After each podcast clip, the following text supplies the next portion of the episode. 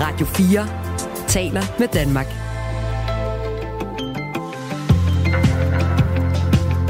Velkommen til Radio 4 morgen. Jeg forstår ikke, hvad der sker i dansk politik lige i øjeblikket. Jeg synes, det er en omgang råd.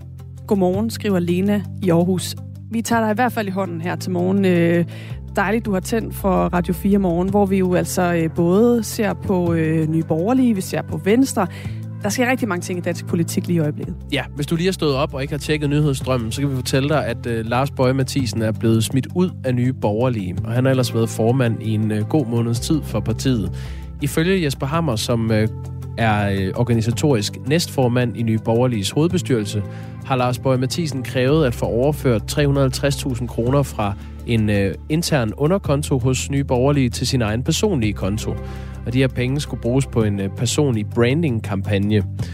Og så skulle Lars Bøge Mathisen angiveligt også have bedt om at få 55.000 kroner udbetalt om måneden, og det skulle øh, ske gennem en fireårig uopsigelig kontrakt. Det er altså øh, i alt et øh, totalt beløb på 2,6 millioner kroner, Lars Bøge Mathisen har, øh, har krævet. Vi får sms'er. Øhm, Mik, som er 48 år og fra Aalborg, har skrevet på 1424. Det er for let at starte et nyt parti. Vælgertilslutningen baserer sig udelukkende på popularitet eller utilfredshed. Er det virkelig politik? Bare se på intrigerne og arrogancen. Det er mere magttrang end demokrati. Bare et surt opstød her fra Aalborg. Godmorgen. Silas fra Nordfyn skriver, jeg har aldrig stemt nye borgerlige, da de altid har virket som et absurd parti, og det bliver bevist igen og igen. Længe leve vanvittigt, som ikke vil stoppe. Mia skriver, håber Pernille vil genopstille som formand for Nye Borgerlige. Lars Bøje burde skamme sig. Men generelt så har politikere ikke skam i livet. Med venlig hilsen, Mia. Og så skriver Claus, følger i dagens anledning løbende morgenprogrammerne på både DR og Radio 4. Interessant nok har Radio 4 de bedste kilder med. Trist udvikling for DR, skriver Claus. Tak for den sidste besked der, Claus. Øhm, jeg ved ikke, om man skal sige, at det er en trist udvikling for DR, eller en god udvikling for Radio 4. Men det, det, det er det, du får her. Noget, du også får, det er en direkte linje til øh, Skattestyrelsen i dag.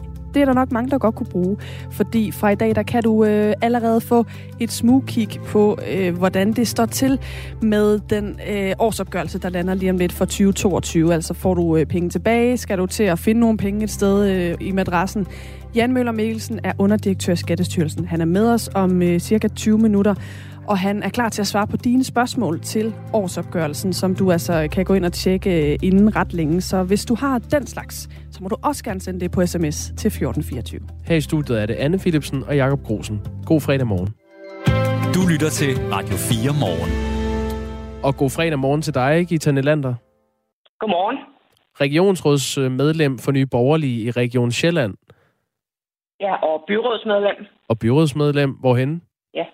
I Næstved. Det er godt. Hvad tænkte du, da du hørte, at uh, Lars Bøge Mathisen var blevet smidt ud?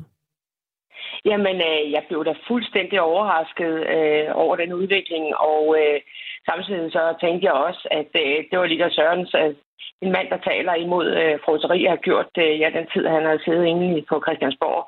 Og øh, så får vi den her udmelding, at øh, man øh, gerne vil have øh, fingrene nede i kassen. Det kommer helt bag på mig. Øh, nu kan jeg kun forholde mig til det, jeg har fået ud, og øh, jeg er helt sikker på, at det er sandheden.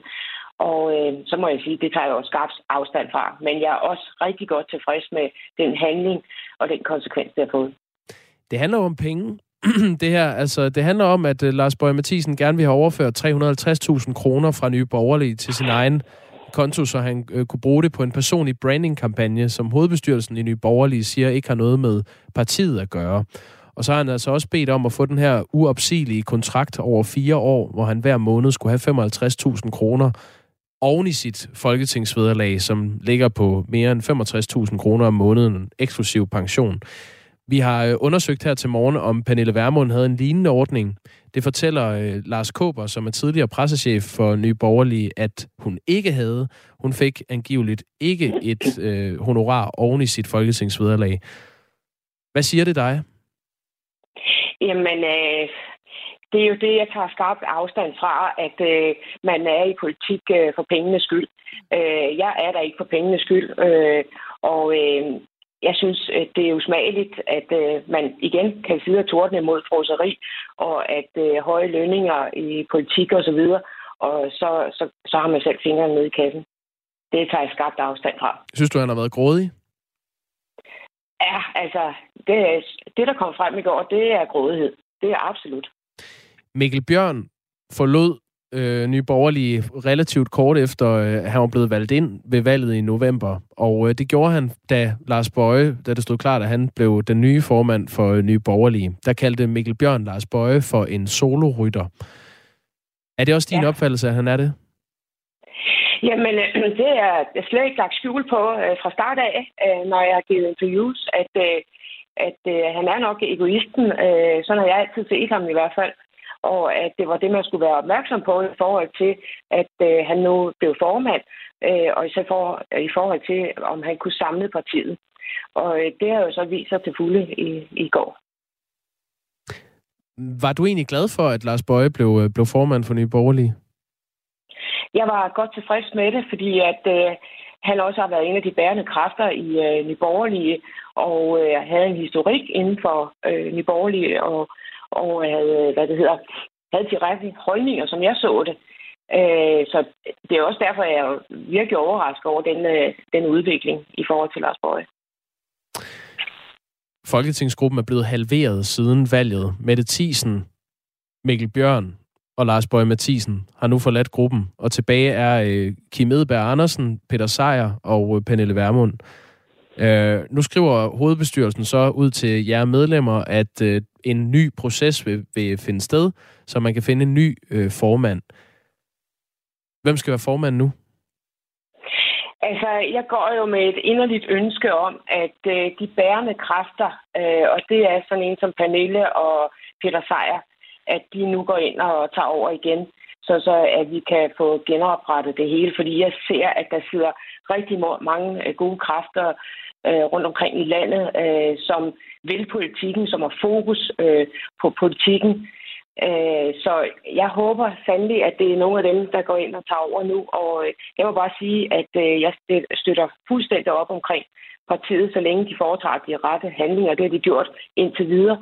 Og øh, jeg ser mig stadigvæk i min borgerlige. Og jeg må sige, øh, og jeg vil tilbyde, at øh, jeg gerne støtter op om den her proces, og jeg deltager også gerne øh, videre frem.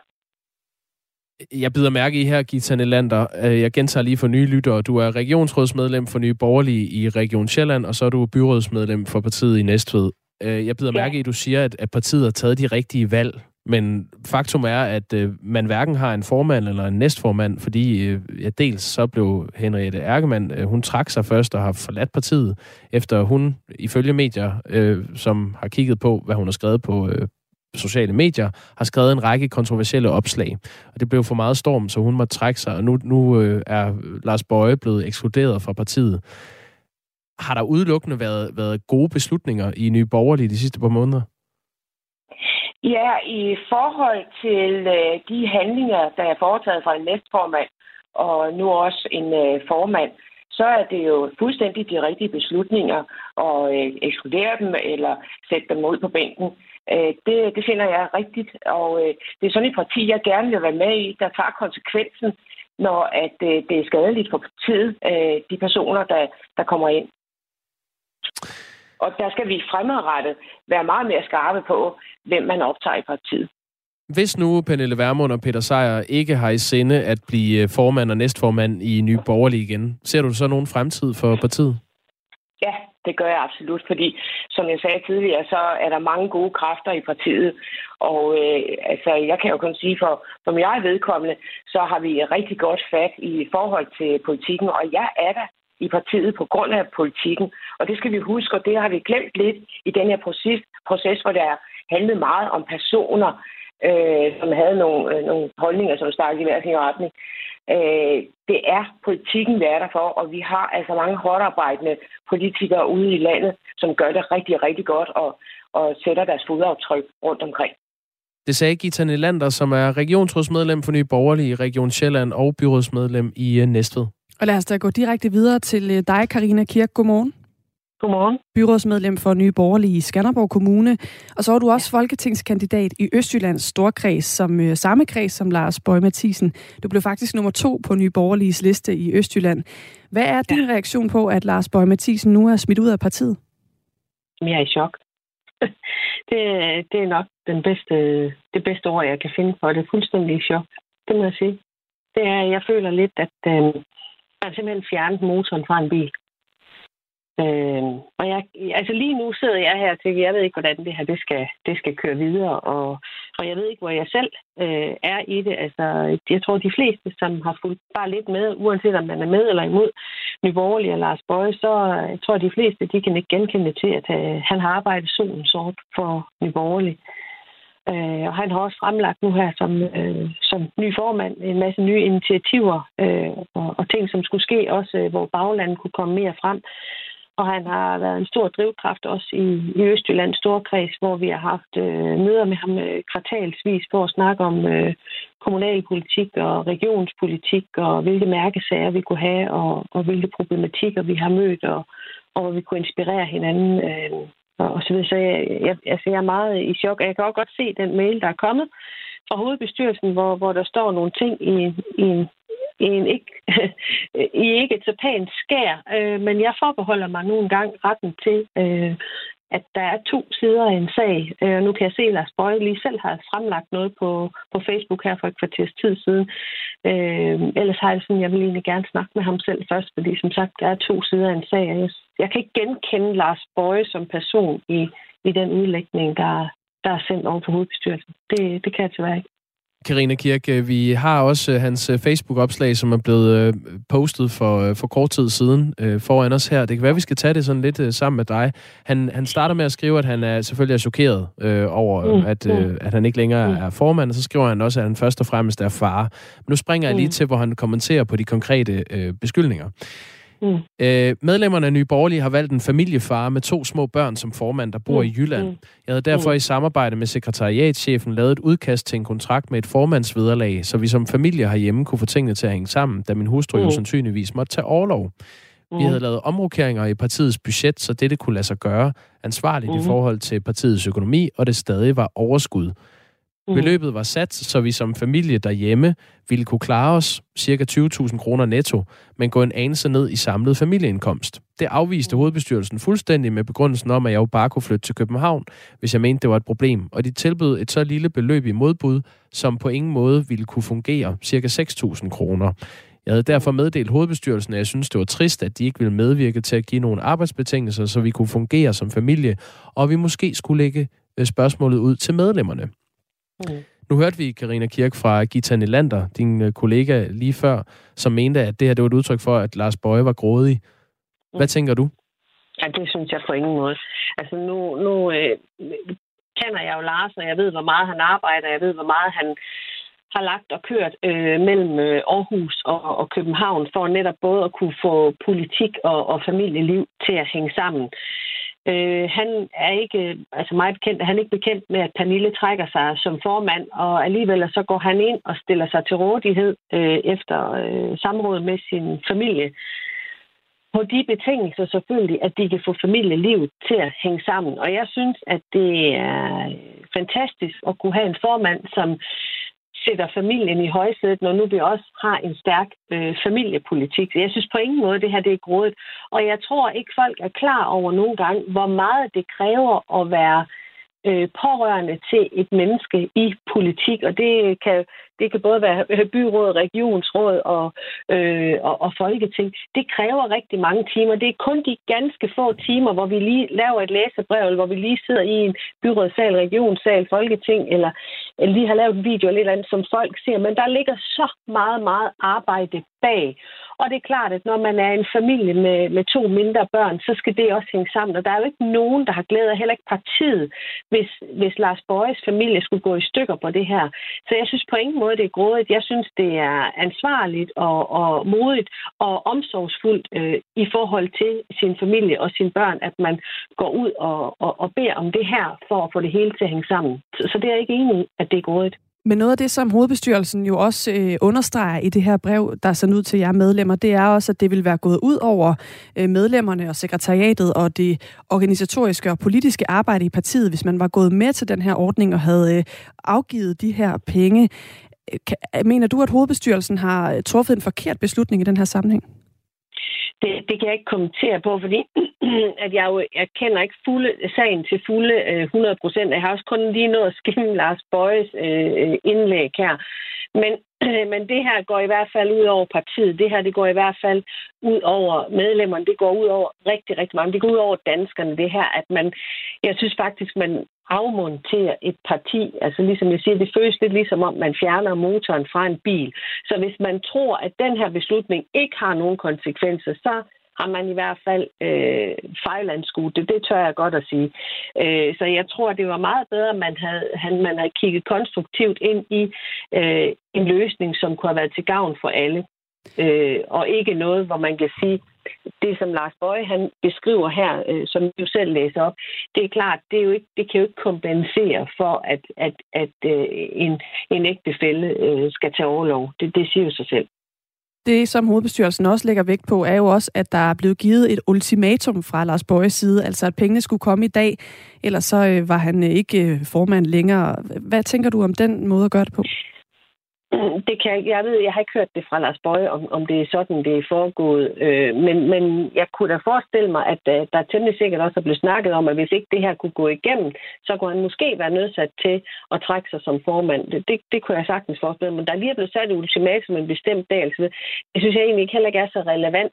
Fordi det handler jo om, har man lyst til, at man skulle have Lars Bøje som formand, så det også kunne fungere for ham og hans familie, eller har man andre tanker? Altså, så, så om, om der er sat ultimatum eller ej, det, det, det vil jeg gerne høre fra Lars Bøjes egen mund, først før jeg kommenterer på det. Og har der været sat et ultimatum, så kan det jo også have været en del af, af et længere forhandlingsforløb, hvor man ligesom siger, nu, nu skal vi have truffet en, en, en beslutning. Hvad kommer du til at gøre nu, Karina Kirk? Jeg aner det ikke. jeg fandt ud af det her øh, klokken kvart i syv, da jeg tog min telefon. Øh, jeg er i chok. Jeg er ked af det. Jeg er også vred, jeg er frustreret, jeg, jamen, jeg er alt muligt. Så, og, og det er ikke lige på det grundlag, jeg skal træffe nogle beslutninger. Jeg skal ikke lige være i min følelsesvold, når jeg træffer nogle beslutninger. Men lige nu, der, ja, der ved jeg ikke noget.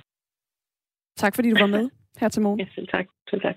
Karina Kirk, som altså er byrådsmedlem for Nye Borgerlige i Skanderborg Kommune, og som også har været folketingskandidat i Østjyllands Storkreds, som er den samme kreds som øh, Lars Bøge Mathisen. Du lytter til Radio 4 morgen.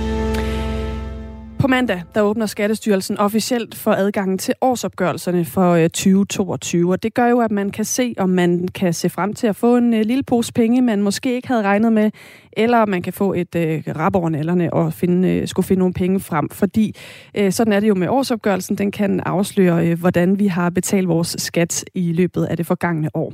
Men faktisk så kan du allerede få et smugkig på den fra i dag, for i og med, at øh, de her dage nok er øh, de dage, hvor årsopgørelsen er allermest på folks læber, så kan du øh, også nu få mulighed for at stille spørgsmål til netop årsopgørelsen. Vi har nemlig dig med, Jan Møller Mikkelsen. Godmorgen.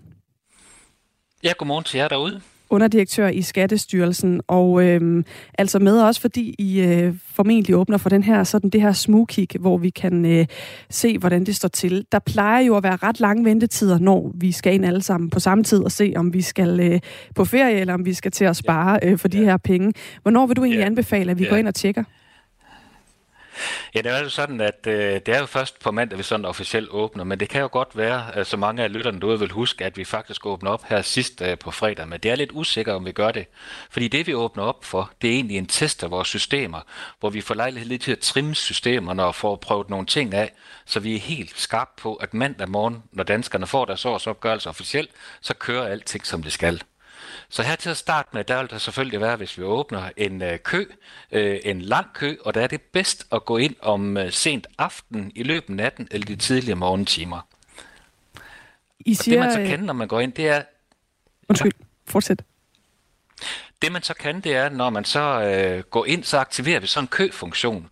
Fordi når vi øh, lukker op for 4,8 millioner danskere i en årsopgørelse, så bliver der altså øh, rimelig meget kø. Lidt ligesom en feriedag på en motorvej, hvor alle bare gerne vil på ferie.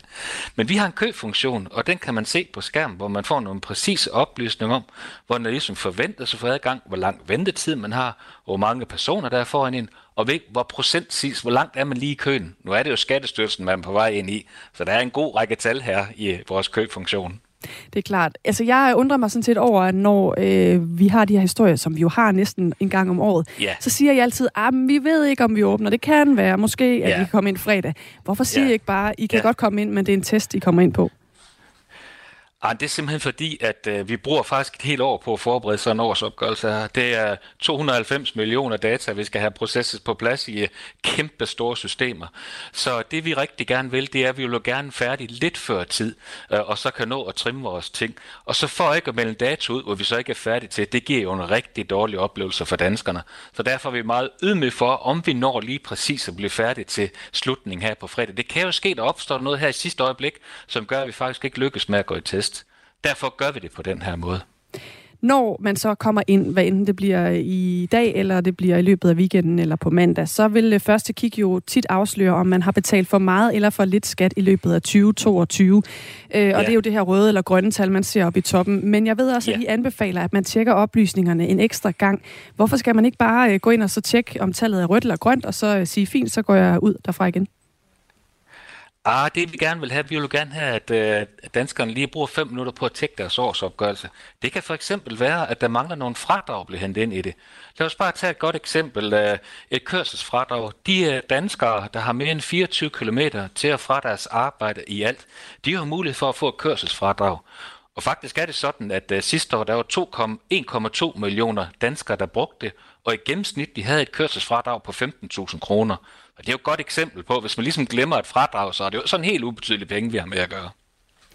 Hvor mange plejer egentlig at få penge tilbage, og hvor mange plejer at få øh, den modsatte melding og skal betale flere penge ind? Ja, det er sådan, øh, tommefingerreglen er, at øh, faktisk er det sådan, tre ud af fire danskere faktisk får penge tilbage, og en ud af fire danskere skal til lommerne øh, eller går i nul. Og øh, lommerne, det er der med restskat.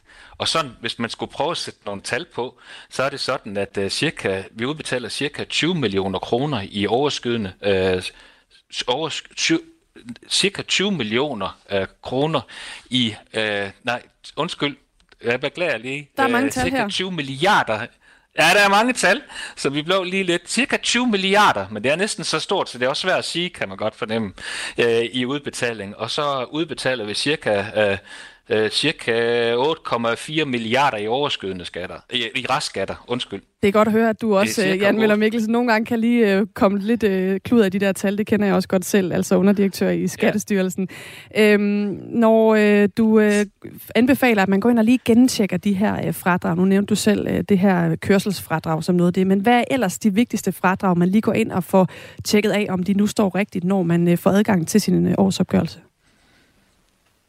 Det vigtige her, der er to øh, fradrag mere, der er værd lige at lægge vægt på. Øh, det ene, det kan være servicefradraget, som man ser i et rubrik, der hedder 461.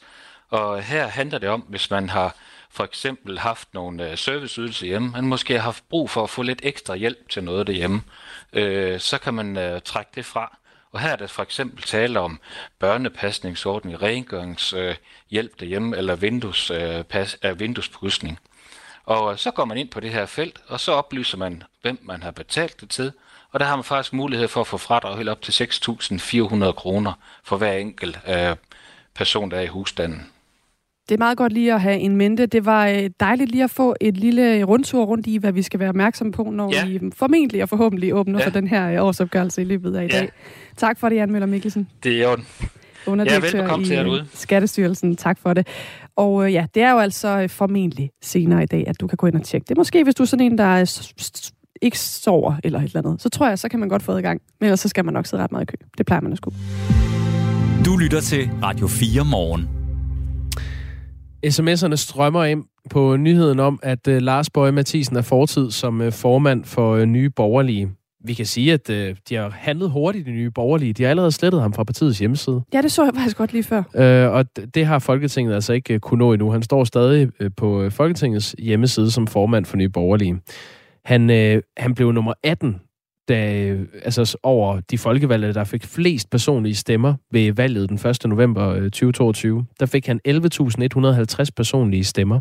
Vi hører meget gerne fra dig, hvis du er en af dem, der har stemt personligt på Lars Bøje. Vi kan jo lige tage øh, en enkelt sms.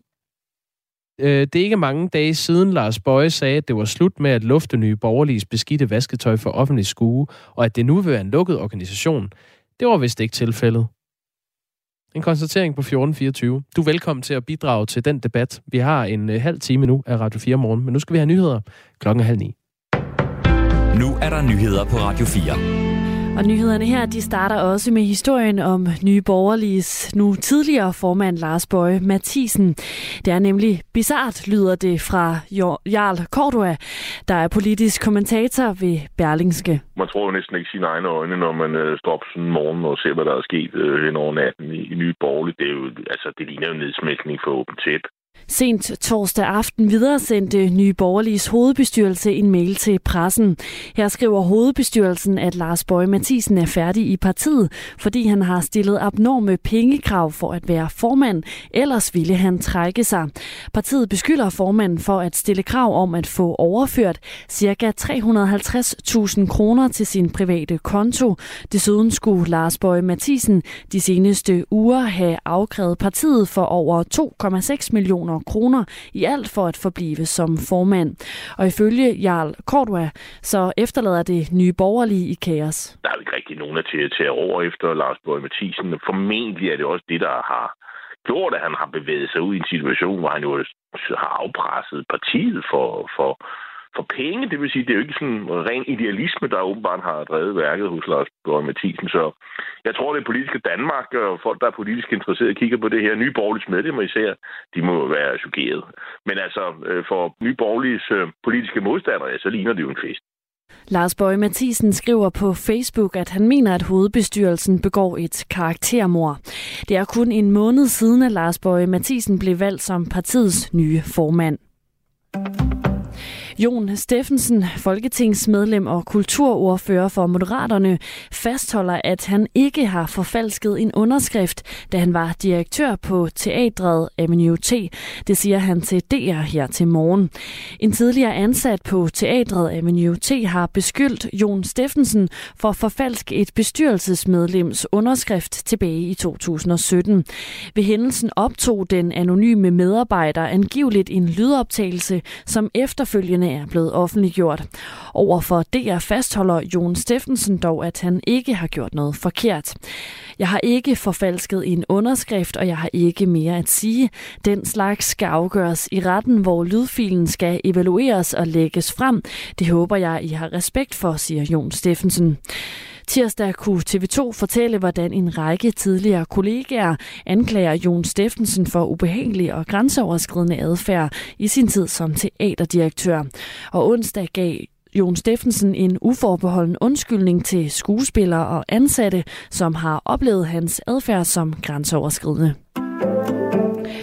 Forbrugerpriserne var i februar 7,6 procent højere end et år tidligere, det viser tal fra Danmarks Statistik. Det udgør et lille fald fra måneden før. I januar var inflationen på 7,7 procent. Dermed fortsætter inflationen med at falde, efter at den toppede i oktober sidste år. I tallene fra Danmarks Statistik kan man også læse, at hvis man fraregner prisudviklingen på ikke forarbejdet fødevarer og på energi, så stiger inflationen i februar. Det er ifølge Danmarks statistik priserne på husleje samt restaurant- og cafébesøg, der presser priserne op. Vi er i gang med en dag, der bliver med lidt eller nogen sol, men der vil også være mulighed for sne nogle steder. Temperaturer i den lave ende, nemlig mellem frysepunktet og 3 graders varme. En svag til frisk vind fra nord og nordøst. Det var nyhederne med Sofie Levering her på Radio 4. Du lytter til Radio 4 morgen. Husk, du kan skrive en sms til os på 1424. Lars Bøge Mathisen er ikke længere formand for Nye Borgerlige. Han er blevet ekskluderet fra partiet af hovedbestyrelsen. Hovedbestyrelsen har informeret alle medlemmer af partiet i aftes via mail, og har altså også øh, ifølge vores oplysninger forsøgt at, øh, at ringe til Lars Bøje, men kunne ikke få fat på ham i går, og derfor har de øh, sendt en mail til Lars Bøje også, og det er den måde, han åbenbart, øh, i hvert fald ifølge eget udsagn, har fundet ud af, at han ikke længere er formand for, øh, for Nye Borgerlige. Det skriver han på øh, Facebook. Sagens kerne er, ifølge hovedbestyrelsen, at Lars Bøje skulle have krævet at få overført et beløb på 350.000 kroner fra en øh, underkonto internt i partiet til sin egen personlige konto. De penge skulle angiveligt bruges på en personlig branding-kampagne. Øh, en kampagne, som hovedbestyrelsen fastholder ikke har noget med partiet at gøre. Derudover skulle Lars Bøje Mathisen også have bedt om at få 55.000 kroner månedligt øh, via en fireårig uopsigelig kontrakt. Det er altså et beløb, der øh, vil løbe op i 2,6 millioner kroner hen over fire år. Og det skulle være ud over hans øh, folketingsvederlag på 65.000 kroner om måneden eksklusiv pension. SMS'erne strømmer ind, Anne. Skal Michael skriver højt at flyve, dybt at falde. Jeg synes, at Lars Bøje altid har virket som om, han mente at være Guds gave til danskerne. Desværre udmyndtede det sig i en attitude af jeg alene viden. Den selvopfattelse fældede ham. Heldigvis finder nye borgerliges fans sig ikke i det. Boohoo. Man hører, hvor violinerne spiller i Lars Bøjes Facebook-opslag. Han burde få løn som spindoktor for sig selv, skriver Bo. Jesper, som skriver ind fra 4862 Guldborg. Hvordan skulle 55.000 kroner ekstra per måned kunne kompensere noget som helst familiemæssigt? Han får minimum 65.000 kroner om måneden i forvejen via sit øh, vederlag i Folketinget. Det er et godt spørgsmål, Jesper. Vi vil jo gerne øh, tale med, øh, med Lars Bøje. Vi har også øh, forsøgt øh, hele morgenen det skulle være planen, at Lars Bøge Mathisen skulle medvirke i vores øh, borgerlige debatprogram Det Blå Hjørne, som sender mellem kl. 11.05 og 12 i dag. Og vi har endnu ikke fået et afbud fra Lars Bøge. Så det er planen, at Lars Bøge Mathisen er med i uh, her på Radio 4 mellem 11 og 12. Det skal jeg i hvert fald personligt det selv skal høre. Jeg også. uh, godt. Skal vi lægge den derinde? Jeg synes det. Man må gerne fortsat skrive ind på 1424, hvis man har noget at sige til uh, eksklusionen af Lars Bøge Mathisen. Du lytter til Radio 4 morgen. Der er gang i den på den politiske scene. Thomas Larsen, godmorgen. Godmorgen. Vi skal snakke med dig om noget, der også er øh, ret relevant, fordi vi har jo på en eller anden måde øh, fået en ny minister. Venstre Stefanie Lose er ny midlertidig minister i SVM-regeringen. Det er, mens Jakob Ellemann Jensen er på sygeoverlov, at hun tager den her chance som fungerende økonomiminister. Det var Troels Lund Poulsen, der gjorde det før, men han har også været forsvarsminister, fordi han har været vikar for Ellemann. Og nu har han altså bedt om kun at få lov til at koncentrere sig om netop det, altså øh, forsvarsminister. Vi øh, skal tale lige om lidt om, øh, hvad du egentlig tænker om det her ryg, om det var forventet. Men først så skal vi lige høre fra Stefanie Lose, da hun blev præsenteret i går. Det er en opgave, som skal løses, og som jeg har sagt ja til at løse, efter at Venstres formand har bedt mig om at gøre det. Det er jo en midlertidig opgave, indtil jeg kan vende tilbage til Region Syddanmark. Thomas Larsen, øh, vores politiske redaktør her på Radio 4. Havde du egentlig set det her ryg komme? Nej, det havde jeg ikke, og det var ikke nogen, der havde på, på Christiansborg, og nu kan det jo næsten virke som om, at øh, når vi sidder og taler om, om Venstre, så er det jo sådan et, et studie i, i ro og harmoni sammenlignet med, hvad der foregår i Nye Borgerlige i, i disse minutter.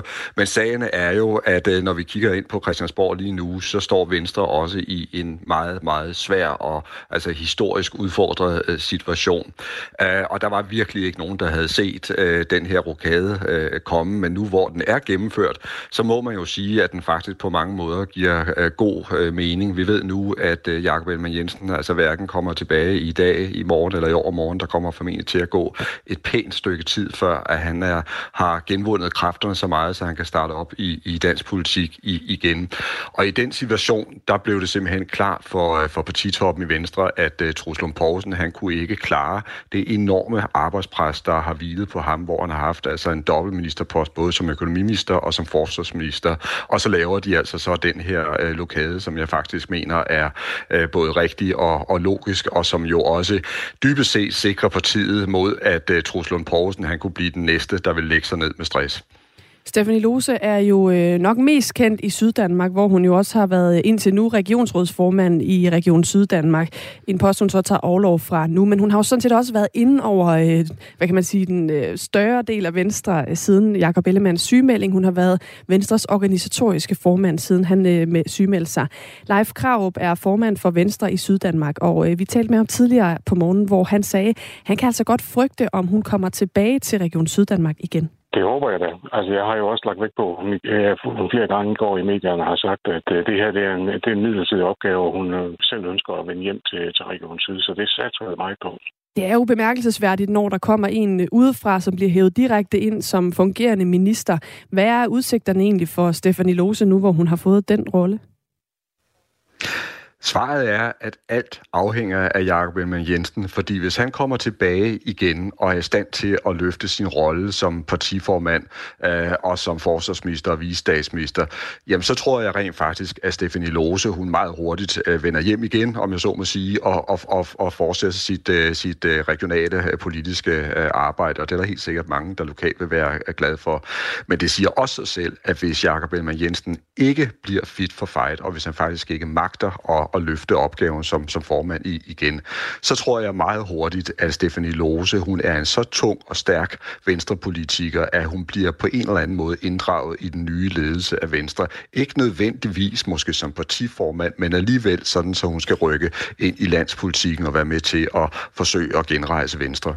Det er jo også det store spørgsmål lige nu netop, øh, kommer Jakob Ellemann tilbage, og hvornår i så fald? Han lavede jo et opslag på Facebook i går, hvor han blandt andet skrev, det går fremad med mit helbred, jeg er i gode hænder, og jeg glæder mig til igen at have en dagligdag på Christiansborg og i Forsvarsministeriet.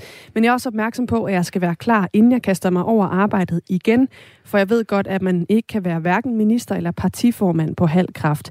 Lige inden det her kom ud i går, der talte vi faktisk med Bente Bendix i Radio 4 Morgen, som er stressterapeut og tidligere byrådsmedlem i Esbjerg i 20 år, og nu formand for Venstreforeningen i Varde Syd. Og hun tror, at hans sygemelding, altså Jakob Ellemanns sygemelding, kan ende i en ny formand. Hvis Jakob han ikke bliver fit for fight øh, inden for nogle måneder nu her, så står Venstre jo i et kolossalt problem, at vi mangler generalen på broen. Og, og det kan partiet jo ikke uh, leve med. Uh, og, og, og Jacob Ellemann kan heller ikke, øh, hvad skal vi sige, leve med, at han skal levere noget, som hans krop både fysisk og mentalt ikke er i stand til. Og derfor bliver vi nødt til at forholde os til, at hvis Jacob han ikke bliver rask inden for nogle måneder nu inden sommerferien, at så står vi i den situation, at vi er nødt til at have en ny formand. Det mener jeg bestemt, at det der vi er.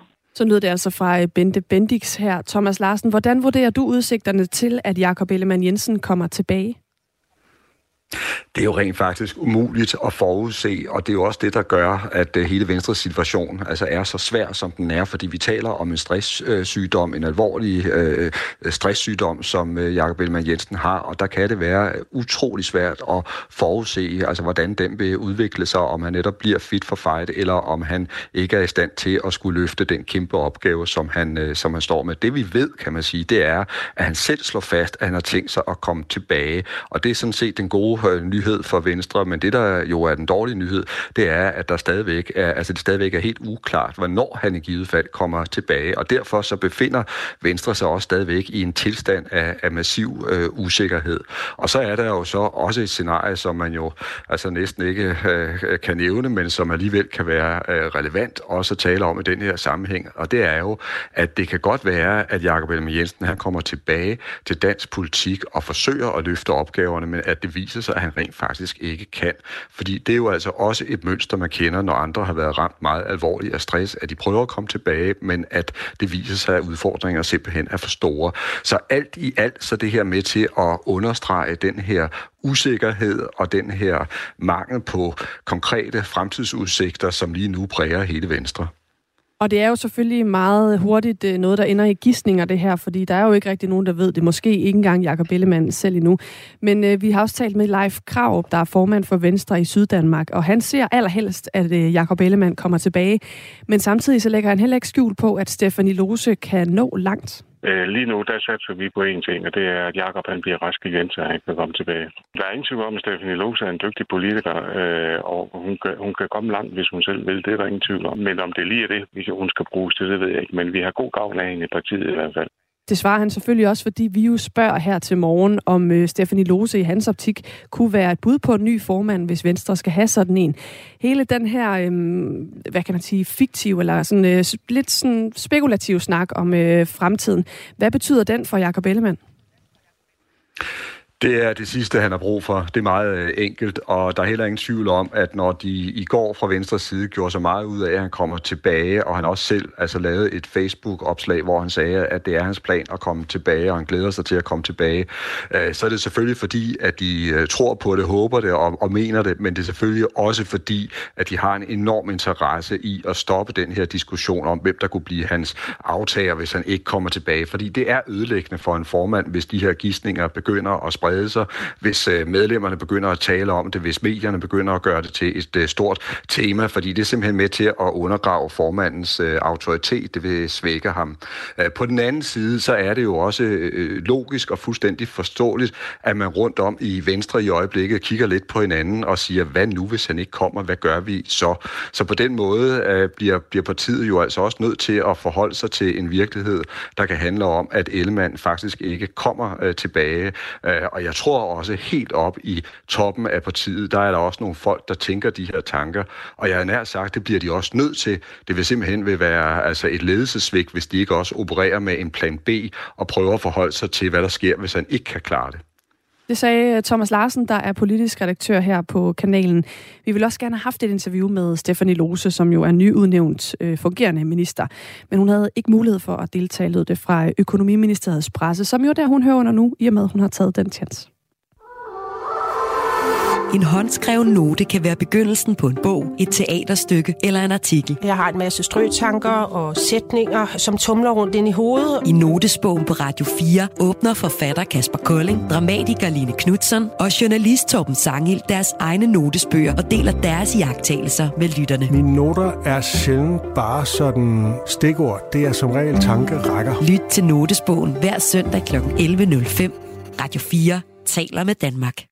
Det er kommet som en stor overraskelse for mange øh, nye borgerlige medlemmer, at Lars Bøge Mathisen er blevet smidt ud af partiet. Også for ham selv, hvis man skal tro det, han har skrevet på Facebook her til morgen. En af dem, der er overrasket, er regionsrådsmedlem for Nye Borgerlige i Region Midt, Inger Marie Tryde. Jeg var i chok, det må jeg sige. Det øh, virkeligheden overgår fantasien her. Samme reaktion fik vi også fra Gita Nelander, som er regionsrådsmedlem for Nye Borgerlige i Region Sjælland og byrådsmedlem i Næstved. Jamen, øh, jeg blev da fuldstændig overrasket øh, over den udvikling, og øh, samtidig så tænkte jeg også, at øh, det var lidt der Sørens, at en mand, der taler imod øh, froseri, har gjort øh, ja, den tid, han har siddet inde på Christiansborg. Og øh, så får vi den her udmelding, at øh, man øh, gerne vil have øh, fingrene nede i kassen. Det kommer helt bag på mig. Øh, nu kan jeg kun forholde mig til det, jeg har fået ud, og øh, jeg er helt sikker på, at det er sandheden. Lars Bøge Mathisen er blevet ekskluderet for Nye Borgerlige på grund af en strid om penge. Ifølge Jesper Hammer, Hammer som er organisatorisk næstformand i Nye Borgerliges hovedbestyrelse, så har Lars Bøge Mathisen krævet at få overført 350.000 kroner fra en intern underkonto i Nye Borgerlige til sin egen konto. Og pengene skulle så bruges på en personlig branding-kampagne ifølge hovedbestyrelsen. Derudover skulle Lars Bøge Mathisen angiveligt have bedt om at få 55.000 kroner om måneden øh, på en fireårig uopsigelig kontrakt. Det svarer til 2,6 millioner i alt. Øh, og det er altså et beløb, det her 55.000 kroner om måneden, som han øh, ville have ud over sit folketingsvederlag på 65.000 kroner om måneden eksklusiv pension. Pengene skulle øh, falde her til morgen, altså de der 350.000 kroner til, øh, til en øh, brandingkampagne, ellers så ville Lars Bøge Mathisen takke af som formand. Det er i hvert fald det, Nye Borgerliges hovedbestyrelse oplyser. Det har fået Nikolaj til at sende ind en sms øh, på 1424 her til morgen, at vi har talt en del om det her. Han skriver, jeg synes, I som journalister burde udfolde emnet som partiformand, hvad andre partiformænd får i vederlag i deres partier. Det er jo ikke til at vurdere for os lyttere, om det er helt urimelige krav fra Lars Bøge Mathisen.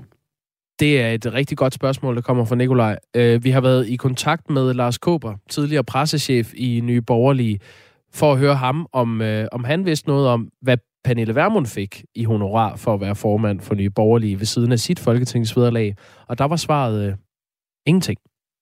Men jeg sidder og regnet på det. Altså, mm. hvis Lars Bøje skulle have fået de der 55.000 kroner om måneden oven i de 65.000, han får i folketingsvederlag, så vil det bringe ham op på en årsløn på øh, cirka 1.440.000. Og øh, det ligger faktisk højere end de fleste ministre mm. og deres vederlag. Øh, statsministeren får per 1. april 2022 1.667.972 kroner og 23 øre, hvis vi skal være helt nøjagtige. Mm. Øh, så det er, det er lønnen for statsministeren. Så det her, det vil bringe øh, Lars Bøje op i nærheden af statsministerens øh, årlige øh, løn, men altså 230.000 mindre, trods alt.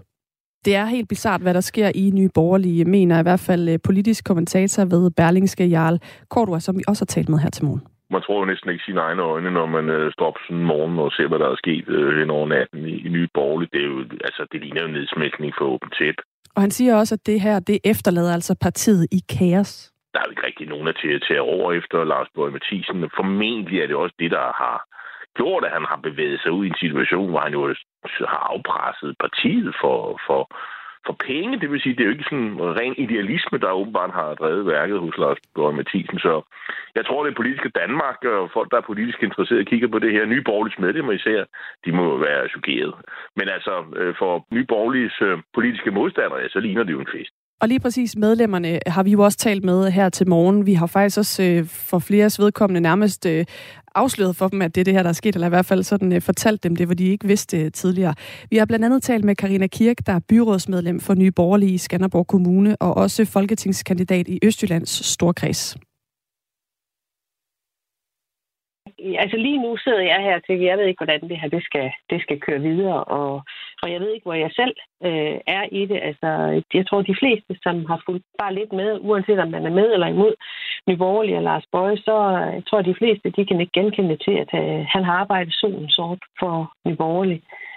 Øh, og han har også fremlagt nu her som, øh, som ny formand en masse nye initiativer øh, og, og ting, som skulle ske, også øh, hvor baglandet kunne komme mere frem. Og han har været en stor drivkraft også i, i Østjyllands Storkreds, hvor vi har haft øh, møder med ham øh, kvartalsvis for at snakke om øh, kommunalpolitik og regionspolitik og hvilke mærkesager vi kunne have og, og hvilke problematikker vi har mødt og, og hvor vi kunne inspirere hinanden øh, og, og så videre. Så jeg, jeg, altså jeg er meget i chok. Jeg kan også godt se den mail, der er kommet fra hovedbestyrelsen, hvor, hvor der står nogle ting i, i en i, en ikke, i ikke et så pænt skær, øh, men jeg forbeholder mig nogle gange retten til, øh, at der er to sider af en sag. Øh, nu kan jeg se, at Lars Bøje lige selv har fremlagt noget på, på Facebook her for et kvarters tid siden. Øh, ellers har jeg sådan, jeg vil egentlig gerne snakke med ham selv først, fordi som sagt, der er to sider af en sag. Jeg, jeg kan ikke genkende Lars Bøje som person i, i den udlægning, der, der er sendt over for hovedbestyrelsen. Så lød reaktionen altså fra øh, byrådsmedlem for Nye Borgerlige Skanderborg Kommune, Karina Kirk. Og nu har vi øh, en ny borgerlig vælger med. Annie Jørgensen, godmorgen. Ja. Godmorgen, godmorgen. Hvad siger du til det? Ja, jeg, jeg siger det til det, at uh, der må der sket noget i hans hoved. Fordi at uh, han lød jo til at være en, en kompetent person, men der er der sket noget forfærdeligt for ham.